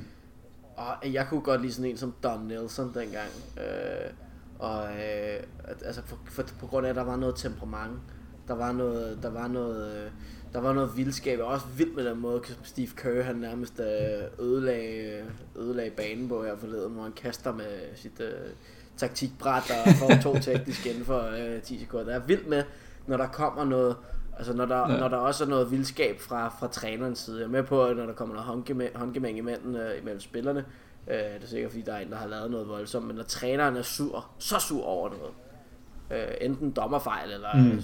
spilleren på banen. Jeg er også vild med, når, når, når Greg Popovich tager de der uh, timeouts efter 8 sekunder, øh, fordi de har ikke afleveret den rigtige, uh, rigtige aflevering. Jeg er vild med, når der sker. Ja. Det er måske også noget af det, som Brad Stevens er blevet enig med sig selv om, at okay, jeg kan sgu ikke gå ind og være babysitter for de her unge mennesker mere. Nej, nej, han kan ikke bare... Jamen, det, det jeg tror, du har ret. Altså, det, det er nu, der han, han har lavet et, et, lille, et lille skifte, og, og så må vi se, hvordan det går fremadrettet. Fordi det skal, det skal lige fremhæves. Jeg er ikke øh, på nogen måde uh, Tatum hader. Jeg er klar over, at han er i hans anden sæson. Jeg er en af dem, der synes, han har en fin sæson. Øh, og, og, og igen, eller den snak, vi har haft med, med forventninger fra sidste sæson.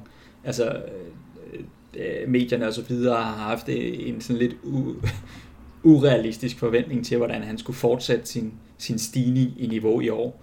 Øh, øh, og så er det rigtigt, at han har taget nogle dumme, øh, hvad hedder det, midrange skud og sådan noget, men, men det er jo en del af hans udvikling.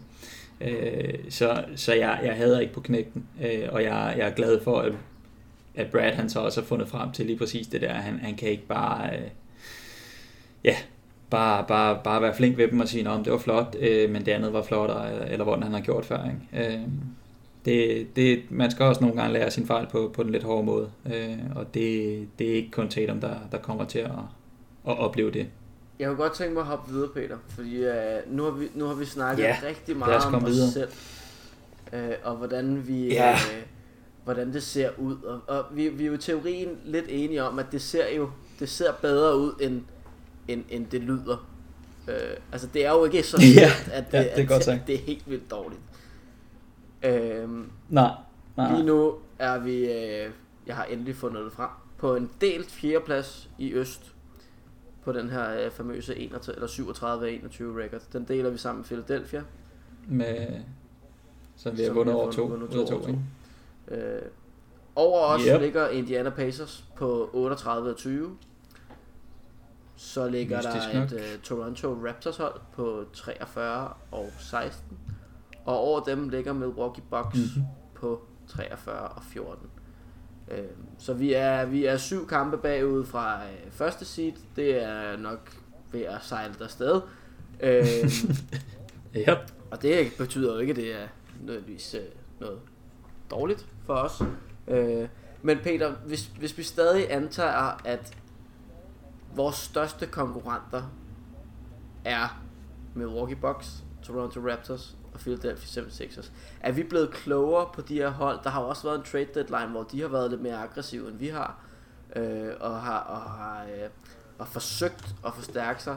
Øh, det virkede så ikke så godt for Philadelphia her forleden, men øh, det er vi bare glade for. Øh, er vi blevet klogere på styrkeforholdet mellem os og dem?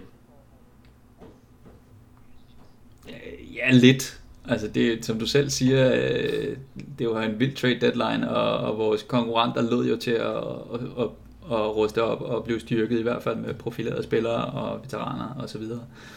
Øh, men, men det vi har set i løbet af sæsonen, og hvis, hvis også vi, vi er frække og, og modsigende i forhold til det, jeg lige har sagt, øh, også, også sidste playoff, jamen så har vi et ok billede af, hvor i hvert fald i min optik, at vi står godt i forhold til to af holdene, og så er der et tredje hold, som vi har lidt svært ved at slå.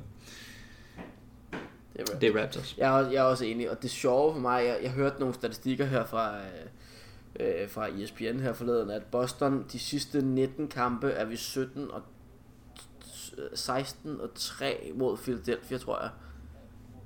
Tror, det er noget af den stil. Vi har vundet, vi har vundet langt den største mm. del af, af kampene indbyrdes med dem. Øh, hvorimod at vi, hvad, ja. hvad, hvad var det, ud af de sidste 17 kampe, kun havde vundet en kamp i Toronto. Øh, og, og alt andet lige skal vi jo, ja.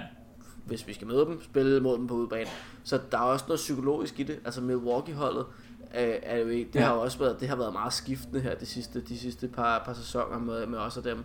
Øh, og vi kom, vi sne os ja. forbi dem sidste sæson. Øh, men det der også er lidt interessant, det er, hvis, hvis du skal vælge et af de her hold, som for alvor kan løfte sit spil i playoffs, så er jeg tilbøjelig til, og det kan godt være, at det er lidt farvet at sige, uh, sige sig selv, men jeg tror, at der er større chance for, at vi gør det, end at Milwaukee gør det for eksempel. Altså hæver spillet playoff til at ja. være et playoff-hold. Altså, ja, men øh, altså jeg kan sige, det, det der øh, jeg, jeg, jeg vil gerne komme at jeg har ikke sideslavisk og set fulde øh, Milwaukee-kamp, medmindre de har været mod os. Øh, men, men det, som, som man kan læse og høre, det er for eksempel, at øh, den mand, der var ved at tage livet af sidste år, øh, hvad hedder han, Chris Middleton, har ikke haft en lige så god sæson. Derimod har, har fællesskabet og øh, Budenholz og setup'et, og det, det har virkelig fungeret. Øh, til gengæld så, så har vi OK fat i, i Jannes, øh, i hvert fald øh, i senest. Øh, og, øh, og, og god tro på det, selvom de har været ude og hente en, øh, en lille torn i vores øje, øh, som jeg, jeg, jeg er sgu lidt i tvivl om, at han bliver helt rask i år, men øh, hvad hedder han? Øh, Middletic, ikke?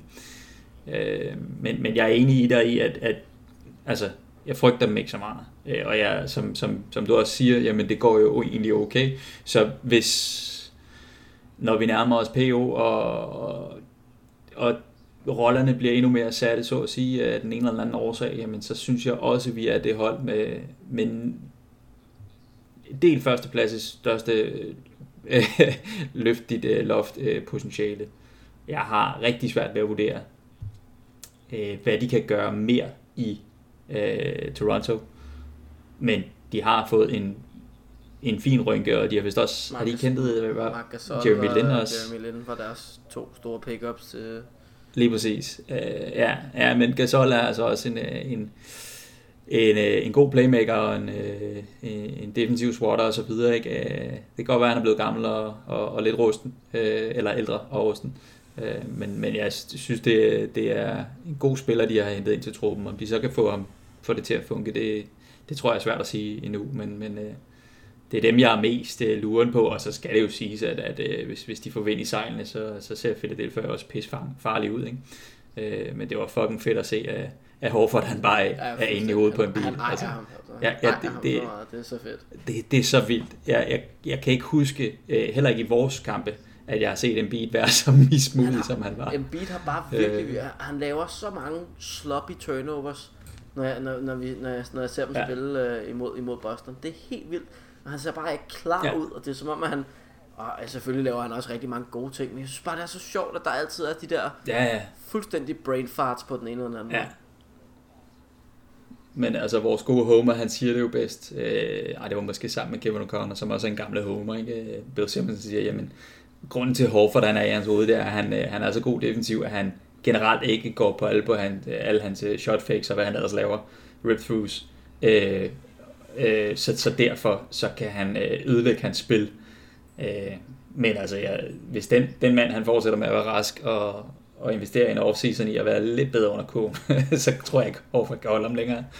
Øh, men det, det er faktisk lidt sjovt. Øh, man tror, han er en god øh, postplayer, og han er også fin nok, men han er ikke en champion. Han er i hvert fald ikke som øh, han er, han, i hvert fald. Nej, nej lige præcis. Øh, så så, øh, så det, det, det ser ret fint ud. Øh, ja, ja det, der er ikke så lang tid til, til nej, en Toronto-kamp, er der? Det, det er altså virkelig... Efter. Ja, og vi har et, et hårdt schema efter playoff, eller hvad er det, undskyld? Øh, ja, lad os, bare, lad os bare kigge den vej også, Peter, fordi de næste tre kampe, det er udekampe. Vi starter mod Milwaukee på torsdag natten til fredag, hvor vi lige har haft et velfortjent øh, break efter den her All-Star weekend, vi er i gang med nu her. Øh, så kommer der en på papiret mm. lidt nemmere opgave i, i The Windy City, stadig i Wisconsin area, øh, i, øh, hvor man så lige rykker over grænsen til Illinois i Chicago. Øh, og så skal vi lige til Canada og mm-hmm. møde mod Toronto der i, i det sidste stretch af, af, af den lille, lille, lille tur der. Øh, så de tre næste kampe er, kan være fugl eller fisk, i hvert fald to af dem. Vi skal gerne slå Chicago, øh, men Bucks og, to- og Toronto kan jo, de lever jo deres eget liv, de kampe der jo. Det gør de, og øh, ja, altså vi, vi har jo ikke sagt det særlig tydeligt også, fordi det lader til at være en, en spøjs bagatell, ikke? Men, øh, men i Clippers-kampen er det i første eller anden kvartal, der går Kyrie ud med en mystisk knæskade. Øh, og den er vist heller ikke blevet defineret andet, end han har tweaked noget. Øh, jeg kan ikke huske, om de har sagt lidt ledbåndet et muskel. Øh, så, så han er sådan lidt ukendt, og vores sidste kamp mod Detroit, der var vi jo faktisk øh, voldsomt undermandet. Jeg ved ikke lige, hvad han hedder. Rosier havde en fodskade lige pludselig også, og Øh, så vi ved ikke helt, hvordan vi ser ud efter All-Star. Øh, derfor er det endnu sværere hvad kan man sige, at have forventninger til det. Og det samme kan man sige om de andre hold jo. Altså, jeg håber da øh, på, på et spillerniveau, at det er en spiller som Mirotic, han, han bliver rask nok til at kunne spille for Milwaukee, og på et Boston-niveau, han ikke gør. Øh, jeg, jeg synes, han er en, en fin joker for deres jeg, jeg, jeg, jeg håber og tror lidt for dem, at de spiller ham på bænken. så, han, så han kan ja. være så der ikke bliver stillet for mange krav til ham defensivt heller. Altså så han, så mm. han lidt får en rolle, der hedder score nogle point for helvede. Altså det er i teorien, fordi der... Ja, og, ja, og op de der rebounds. Øh, ja, den, den uh, Detroit-kamp der, det er faktisk lidt sjovt, du siger det. det er, der går vi fire mand dyb på bænken, hvor Jalen Brown kommer på bænken, får lige omkring 30 minutter. Uh, og så er det faktisk Sammy Ojale, der får næsten 20, Daniel Theis, der får 17, og Brad Wanamaker, der får 13. Øh, og de eneste, der får DNP's i den kamp, øh, og som ikke er skadet, det er PJ Dossier og Goshen Joboseta. Øh, så der var vi ikke ret, øh, ret bemandet, men jeg mener, at Vogue har været ude og skrive, at den her knæskade er ikke noget serious, og det er, øh, de, de, der er mm. også meldt noget ud, at han, at han, han kommer til at teste det her knæ hen over weekenden, og øh, øh, altså, jeg ved ikke engang, han skal han spille den skide all det, han er jo starter, så det kan godt være, at han går ind og ryster benet, men øh, jeg, jeg vil da foretrække, hvis han ikke går ind og øver sig i ankle breaker, så dermed smadrer sit eget knæ på en eller anden måde. Øh, det vil jeg være rigtig fint tilfreds med. Ja. Øh, men men det, det, det er ikke til at sige. Øh, hvad jeg, gør. jeg synes faktisk, det er lidt sjovt. Øh, jeg sad jo og så den her øh, Detroit-kamp, hvor jeg samtidig sad og skrev noter til, til, til den her podcast, og sad og tænkte, altså, når, når vi alligevel er nogle mand short og sådan, øh, og jeg ved sgu godt, at det, det, det er nogle øh, til tider er jo udfordrende begge, de har det af Detroit, men hvorfor fanden får Gershon ikke nogle minutter, øh, når, når det er en back-to-back, og, og de egentlig gerne vil skåne Horford lidt. Altså, de blev jo nødt til at hive Horford ind igen i uh, slutningen af kampen. Uh, og han spiller også en, en, en ret god kamp, vil jeg sige lidt af en brandkamp. Han er største win-faktor på vores hold. Øh, altså, det buder lige så godt som mit øh, omkring Gurshan. Altså, det, det virker lidt som om, at han, ja. øh, der, bliver, der bliver set et potentiale i ham. Øh, for os udefra er det stadig lidt svært at se, hvad det er, der bliver set. Øh, men der må... Ja, vi, vi må til at have en assistent, der ser de der ja. G-League-kamp, hvis han spiller nogen af dem, eller et eller andet. Øh, Ja, det, det, det, jeg skrev jo også, jeg, jeg ved ikke, om du kan huske det der til trade deadline, hvor jeg sad og kom med min egen lille mærkelige bøn. Eller ikke en bøn, men en tanke. Den eneste mm. trade-tanke, jeg kunne finde på. Som, som heller ikke ville ske, fordi det, det er lidt uafstemt i forhold til lønnen. Ikke?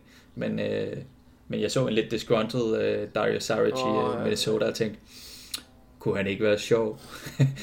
jeg ved ikke helt, hvad vi skal med Jabusele, men han kan jo godt være sådan en spiller, der øh, efter offseason her øh, næste gang øh, har færre spillere foran sig, og så får muligheden. Altså, det, det, jeg har jo skrevet i mine noter, at det, det er fucking awesome at se, hvordan øh, Thijs han øh, nu kan lave power dunks og virkelig øh, igen er integreret i, i holdet. Det er jo selvfølgelig også i fraværet af Baines, ikke? Øh, men det er lækkert at se, øh, hvor meget øh, øh hop der er i manden, så at sige. Men han kan da også godt blive en svær spiller at holde på næste år, så vidt jeg husker, så har han også kontrakt Ja, det passer sgu nok meget godt. Øh, ja. Peter, vi, øh, åh, ja. vi, vi har optaget lidt over en time nu. Vi, vi, vi skal lige have nogle hurtige her. Uh, det her All-Star Weekend, vi er inde i nu, uh, hvad, hvad, hvad synes du egentlig om det? Er det, er det noget, du, uh, noget, du ser frem til, eller er det noget, du sådan kigger lidt og siger sådan, meh? Meh. Jeg er heller ikke... Uh... Det var svaret. Uh, det er da fedt nok, at, at Tatum man er der, så kan, kan vi lige huske at tage et, et kig på det en gang imellem. Men nej, det, det er jo ikke rigtig kampe. Det, det er showball, og ja, det interesserer mig ikke længere. Jeg så faktisk, at, at nu er jeg altså, Thomas Bilde og Peter Wang gør et fint stykke arbejde for at få basket udbredt, og man kan så diskutere, hvor, hvor kløgtigt det, de siger, er altid. Men han kom faktisk med, med, et, med et fornemt, fornemt forslag her den anden dag på sin, på sin Instagram, hvor han, hvor han sagde, at han vil, man, vil, altså, man vil jo langt hellere se en mod en, eller to mod to, eller tre mod tre kampe, end de her skills challenges for eksempel. Eller, øh, eller, eller Rising ja, det Star kampe. Det kunne være mega grineren, hvis de lavede sådan en mini-turnering, men det er jo bare, det er jo alt for skrøbeligt, ikke? Altså det, det går jo ikke at blive skadet i en All-Star weekend, fordi ja, man skal spille 3 mod 3. Altså, du kan jo falde, og øh, du, altså, du, vi har jo set Achilles en og pop for et godt ord. Øh, øh, så ja, jeg, ja. Jeg, jeg tror ikke, at det er det der argumentet. Jeg tror mere, det er det der med, hvem skal sammensætte holdene, og hvad, hvad skal reglerne være, og øh, er det ikke en lidt en, øh, mm. en, en, en, øh, oh, hvordan, en, en degrading af ens egen sport at kaste sig over i noget andet? Altså basketball er stadig på OL-tapetet, men 3 mod 3 er på vej på tapetet også. Øh, og, og hvordan, hvad for en indflydelse ja. har det på NBA, at man ligesom begynder at promovere andet end den her klassiske 5v5? Øh, jeg tror måske også, det er lidt det, der er ja. problemet. Øh, at man gerne vil holde det så organiseret og så fastlåst som overhovedet muligt. Ja, yeah. Ja, ja, og det, altså, jeg, jeg tror også, vi har snakket om det før, det, det er sådan lidt det, det, de unge fans øh, weekend, ikke? så det, øh, det, det tror jeg bare, man skal acceptere, at man er blevet gammel nok til, at man ikke synes, det er lige så sjovt at, at sidde og se øh, stjernerne samlet og ikke mm. spille defense og altså lave en, der er jo masser af in-game dunking og, og hvad der ellers er. Det, det er sgu fint nok. Sidste år var en øhm, fin kamp. Men Sidste det, år, der, der blev gået til den, ja. men udover det, så har der godt nok ikke så ja. har været langt mellem, øh, langt mellem snapsene. Øh, og også i en mm. dunk contest, hvor de bliver ved med at misse, og altså, det er jo også efterhånden to-tre år siden, vi har haft en rigtig, rigtig god dunk konkurrence. Øh, så jeg er ja. heller ikke, jeg er ikke nødvendigvis øh, anti All-Star, jeg synes bare, der, jeg synes, det, det er sgu begyndt at blive lidt kedeligt. Jeg så, jeg så lidt af All Star Celebrity kampen her i, her i morges. Øh, hvor øh, vores gode ven, måske, øh, Ray Allen, øh, spillede. Øh, ja, det, ja, det var Celebrity. Det var, det var faktisk meget sjovt. Øh, ikke at det var noget festfyrkeri på nogen måde, men der var en, øh, en four-point line med, som uh, Ray Allen han fik uh, skudt sig, skudt sig, skudt sig lidt brandvarmt fra i hvert fald. Så det var meget sjovt. Uh, det er skægt. Altså, det er også den, øh, den drejning, jeg har taget her i morges, da jeg sad og flippede rundt, så kunne jeg se øh, øh, vores gode, øh, ja, nogle af hans øh, tidligere gode venner, ikke? Øh, KG og Paul Pierce, de, øh, de gik, øh, jeg vil ikke sige hånd i hånd, men de gik øh, ud og, og turede lidt rundt i mediecirkuset og havde en sjov aften. Øh, og der er også kommet et, et skægt øh, KG og Dwayne Wade snak omkring øh, GOAT og så videre. Altså, det er blevet sådan lidt mere den side, jeg kigger på, ikke? Også hvad er det, der foregår ved siden af, og hvad er det egentlig, de laver det her? Det, jeg ved ikke, om det altid har været sådan, at de der gamle stjerner, de, det, det er nok, jo, det, det er jo de nye gamle stjerner, kan man sige. Fordi altså, der, er jo, der, er jo, der er også ældre stjerner, som stadig render rundt i det cirkus der, ikke? også virkelig nyder sådan en weekend. Det, der er man en stor mand. Øh, det, det er lidt det, jeg kigger på nu, og, og jeg prøver også lidt at følge nogle af de andre spillere, og så sige, hvad, hvad laver de egentlig nu? Altså, det, der, det, det, jeg tror også, Steven sagde det ikke også, at det, giv en dag eller to, så ligger de alle sammen under en paraply nede ved en, ved en hvid ja. solstrand og så videre. Ikke? Øh, det gør de fleste. Ja, vores gamle ven Kjell Lennik har ikke brug for at gøre det, fordi han er i Miami, så han spiser bare sushi og, oh, og kigger ja. på basket på en anden Det er South Beach all day. Øh, ja. Og så lige, jeg slår ja. en krølle på den her lille All-Star øh, øh, snak her, og så siger jeg, jeg siger faktisk skud ud, så øh, nymoden som det overhovedet kan være, til NBA for at tildele øh, Dirk Nowitzki og øh, Dwayne Wade de her to øh, honorary spots i den her kamp, selvom vi nu er blevet enige om, at den her kamp ikke ja. betyder noget. Øh, så er det et, et, et, fint, et fint Jamen, det er meget sødt. uanset om de stopper deres karriere eller ej. Øh, jeg synes, det, ja. er, det, det er på sin plads at hylde, hylde legenderne. Ja, det, jeg kan også godt lide det et eller andet sted. Øh, spændt, spændt på at se, hvordan det... Øh, altså, vi har vi jo ikke alle de der... Det er jo ikke hele tiden, vi har de der kæmpe superstjerner, vel? Men øh, altså sidste år, der var vi ved at være lidt med af, af Kobe-afgang. Undskyld, var det forrige år? Var det sidste år?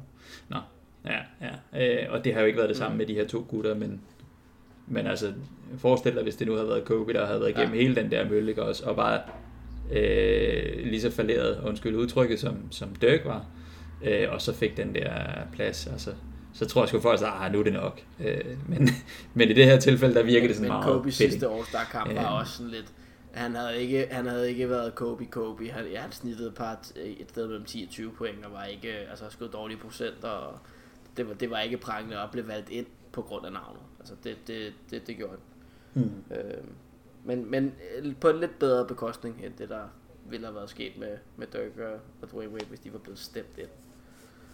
Øh, så jeg synes, det er fint. Det, det er ikke... Mm. Jeg synes, det er en fin måde at, at hylde, hylde folk på, mens de er her. Og så, øh, ja, og så får jeg også, også lige en kæmpe, øh, kæmpe stor F-finger for ikke at have Luka Doncic med i All-Star-kampen. Og så er vi videre fra det punkt. Peter, vi, er, vi, yes. vi går ind i en lille roadtrip nu her, og vi, øh, vi, vi forventer, som vi, som vi lige kort var inde på, at vi skal have et par sejre.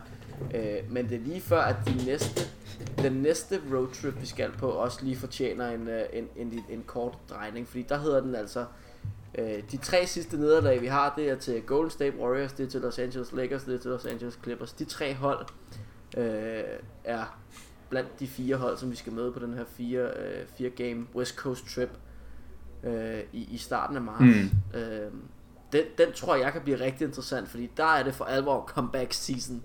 Øh, der, der træder, der træder i kraft. igen, igen. Øh, ja. Ikke at det er den, der skal ja. være vores fokus nu, fordi det ligesom er en 6-7 kamp for enden.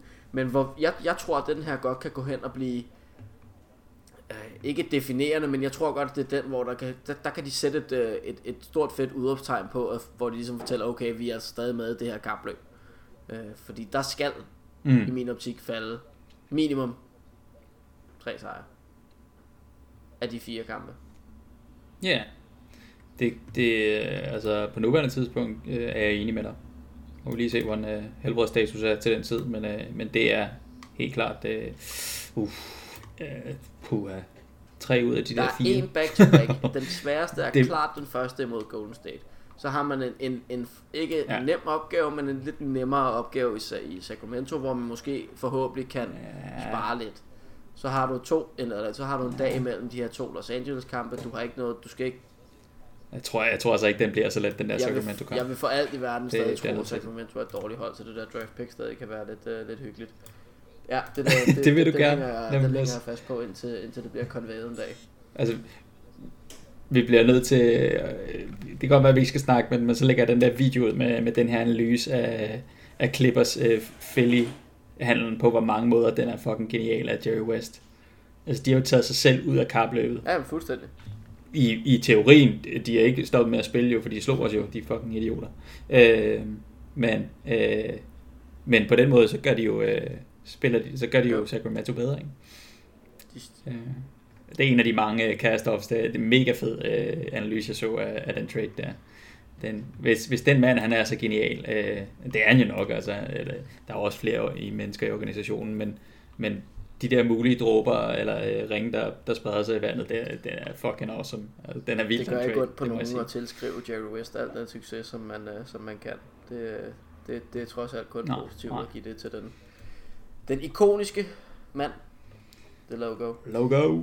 Peter, vi er, vi er næsten en halvanden time inde i, uh, inde i det her virvar af uh, uorganiserede tanker og handlinger og uh, diskussioner, som, uh, yes. som strækker sig tilbage nærmest tre måneder. Vi skal igen beklage, at der er gået så lang tid, og uh, uden at tilskrive alt for meget skyld til mig selv, så tager jeg den gerne på min, min kap.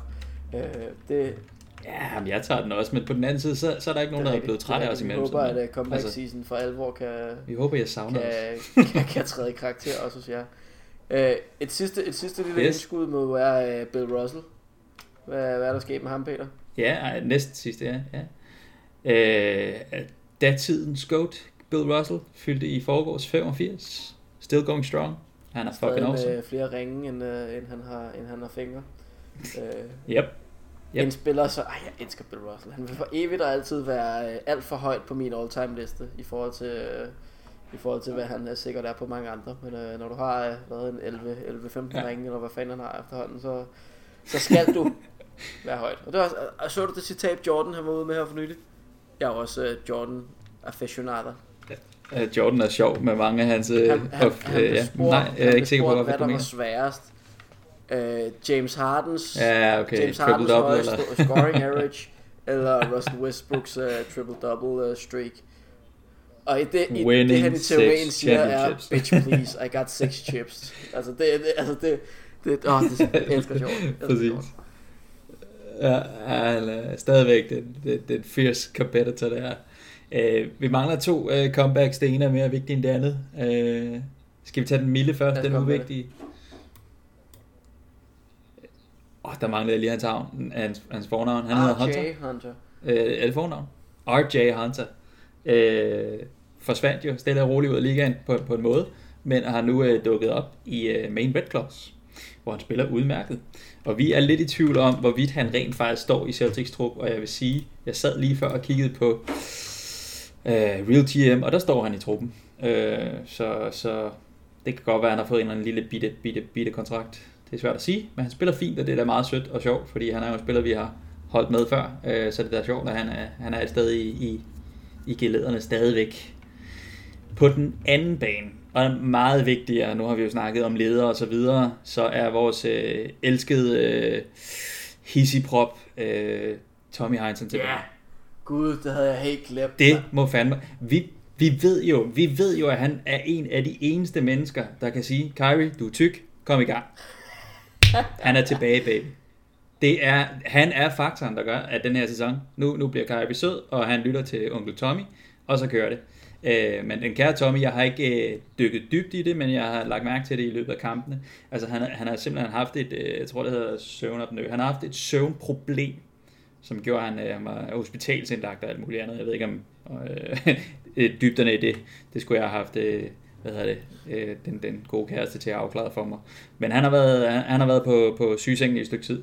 Øh, men nu var han da relativt på højkant, og var han ja, været der et par kampe eller sådan noget. Det, det er bare lækkert. Været, han, der var lige, han var tilbage, og så var han væk lidt igen. Øh, hvor, øh, hvad hedder ja. han, øh, Sherrod, øh, øh, mørke Boston NBC kommentator. Ik- ikke Skal. Ja, der tror jeg, Blake, den... øh, var inde der kommenterede sammen med Mike Garman. Øh, men jeg mener, at Tommy ja. Hansen også har haft nogle hjerteproblemer tidligere. Øh, så jeg tror, det er en kombination. Ja. Jeg, jeg har nemlig også hørt det der søvnoplæg, men de har jo ikke rigtig vil ud med det, og Tommy har ikke selv vil sige noget. Så, øh, men han er tilbage. Nej. Og ved du hvad? Du, ved du hvad, ja, vi det... snakkede tidligere om det her med Bill Simmons også var gået sådan lidt anti, ikke anti-buster, men var hoppet lidt væk fra den evige, øh, den evige tiltro til sit hold. Ved du hvem der også er det? Mm. Brian Scalabrine. Nej. Hvad har han gjort? Jeg så, han, øh, jeg, jeg så ham i noget så blasfemisk som var, det må have været uh, Undisputed på uh, Fox uh, den anden dag med den altid dejlige Skip. Bayless og den altid uh, højt råbende Shannon Sharp. Uh, uh-huh. Hvor han faktisk sad og, og, og han, han talte ikke Boston ned, men han brugte rigtig meget tid på at tale de andre hold op. Og det var netop i den her diskussion omkring øh, øh, hvordan du spiller i regular season kontra hvordan du er i, i, øh, i, i playoffs. Der var han ikke særlig høj på den måde, som hans eget Boston Celtics spillede på nu. Men han var til gengæld høj på, at vi kunne være et playoff-hold, men han havde, han havde Toronto meget længere fremme end os på det punkt. Mm. Ja, men de er jo også, øh, i forhold til essensen af vores snak, ikke, så er det jo langt flere veteraner. De er bygget til playoffs. Øh, som, ja. De er bygget til det. Så det er jo ikke, øh, og jeg vil også sige øh, med al ære og respekt for, for Tommy, så øh, har jeg faktisk nyt rigtig meget Scalabrine som color Absolut. commentator. Det har jeg nok egentlig altid gjort, men, men det er værd at understrege. Og han er også, måske er han lidt for lidt color, hvis du forstår, hvad jeg mener. Så nu går han jo ud og, og snakker om de andre. Ikke? Han, han, han trender måske lidt mod at være en general øh, øh, analyst, øh, og glemmer lidt, at han skal se det hele ja, med grønne Det er øh, måske, briller, fordi ikke? Vi, har været, at vi har været forvandt med, at, øh, at Tommy og Mike Garman har kørt øh, fuld skrue på grønne briller. Øh, men der det, kunne det, godt det, være det, noget der. Det gode ved Skal øh, er jo, at han er rigtig, rigtig klog. Altså man, man, øh, han, han var jo sådan lidt en, ja. en laughing stock på et tidspunkt, da han spillede om, øh, om at han, altså, han var ikke verdens bedste spiller, men han havde, han havde nogle specialiseringer, som, som nogle hold nyt godt af. Øh, men, men man skal virkelig ikke mm. negligere, hvor klog han rent faktisk er. Altså det, det er meget, meget, meget teknisk ja. velfunderet, den måde han får formuleret sig på, og hvad han ser, som, som vi for eksempel ikke får fra Tommy. Ja. Øh, altid. Lige præcis. Tommy, Tommy han siger det i hvert fald på en anden måde, ikke? Og, og det er rigtig fede nuancer at få øh, skærvelsanalyser. Øh, og nogle, nogle flere lag, end, øh, end, øh, ja. end vi er vant til. Øh, så, så det er lækkert. Øh, må jeg komme med en, øh, en, en semi-unrelated øh, Skyd løs, Peter. throw-in? Bare fordi det skal jo tage så lang tid som muligt, så vi kan dele den to og lægge en, øh, en intro-musik på. øh, The Twin, Twin Bro Morris øh, har semi mindre ondt i nakken og er blevet signet i ja. øh, OKC. Jeg vil sige, uh. der er mange af de her øh, transactions, der kommer til at foregå nu, og som øh, og som har været de sidste par uger efter, efter øh, hvad hedder det, trade deadline, de kommer til at se rigtig mærkelige ud. Jeg tror ikke, at Markif Morris kommer mm. til at have en særlig stor rolle i, i, i, øh, i Oklahoma. Øh, jeg, jeg tror, at Nej, altså jeg, jeg synes tror også, heller ikke, at jo selvfølgelig nu har uh, Toronto traded alle deres uh, mindre vigtige backup-spillere, så selvfølgelig får Jeremy Lin nogle minutter. Men jeg tror ikke, at han kommer til at være et, et, en vigtig faktor for dem heller. Så jeg tror mange nej. af de her... Nej, gud nej, nej, nej, altså han kan være sådan en, der går ind og, spiller en god kamp ja. i en serie, eller sådan eller Altså selvfølgelig vil han få nogle få minutter, men, men det vil være sjældent, de har brug for ham, øh, med mindre at øh, skulle det ske ikke også, at, at Kyle Lowry eller en anden går, går ned med Det er for at fylde roster spots. Øh, så det, det, er jeg helt enig med dig i, og jeg er faktisk ikke helt, jeg tror en, en del af det, det er Jeremy Grant har lige fået en ankelskade, som vel åbenbart er lidt sværere, end, eller værre, end, end man kunne håbe på, siden at de har været ude og, og hente forstærkninger. Øh, fordi det har da været et OK det, kørende hold. Det hele er for at fylde roster spots. Det er jo kun de store spillere, som nu så vi Anders Kanter for en, øh, for en, for en forholdsvis god portion penge i, øh, i Portland nu her, men ellers så er det for at fylde roster spots. Nå, no. øh, ja. Godt for ham. Jeg, jeg er længe øh, gået og ventet på, hvad der skulle ske med ham. Der er ikke nogen, der har rykket på, på Robin Lopez, hvordan han bliver ja, i han, Jeg tror ikke, han bliver købt ud. Eller ryk. Nej, nej, men det, der var meget den der, han skal til Golden Jeg tror ikke engang, de fik købt ham ud. Uh, han er stadig nej, nej. i the, wind, the Windy City. Ja, han kan også være en god locker room guy der, ja. Han er sådan en uh, fin, uh, flink, stor fyr, ikke? Stor, flink fyr. Super formulering, Peter. Det er, det er perfekt. ja, ja, men det... det Peter, har halvanden time tid og, og lidt til. Det må, være, det må være alt, hvad vi har i os fra, fra den, her op, den her omgang. Vi siger ja. tak til jeg siger for det første tak til dig, og øh, derefter så siger vi begge to tak til øh, dem, der lytter med. Øh, tak til vores ja. Næsbødt-netværk, hvor vi øh, lancerer os selv øh, og har vores, vores faste gang. Øh, så smut ind på næsbødt.dk og find, øh, find os og find øh, de andre podcast-venner derinde, øh, Humørspillerne og LWA. Øh, kører også på, øh, på fuld, fuld cylinder for tiden. Så øh, ind og lyt med. Vi finder, I kan finde os på SoundCloud, og I kan finde os på, øh, på jeres andre podcast-medier, så det er bare med at gå ind og følge det link, som vi får smidt ud på vores Facebook-side her den anden, øh, inden for de næste par timer, forhåbentlig. Øh, derefter er der jo ikke andet at sige end øh, mm. tak for den her gang, Peter. Ja, vinteren er snart på held. Find jeres bold, gå ud og leg. Ha' det sjovt. God weekend. Det er season.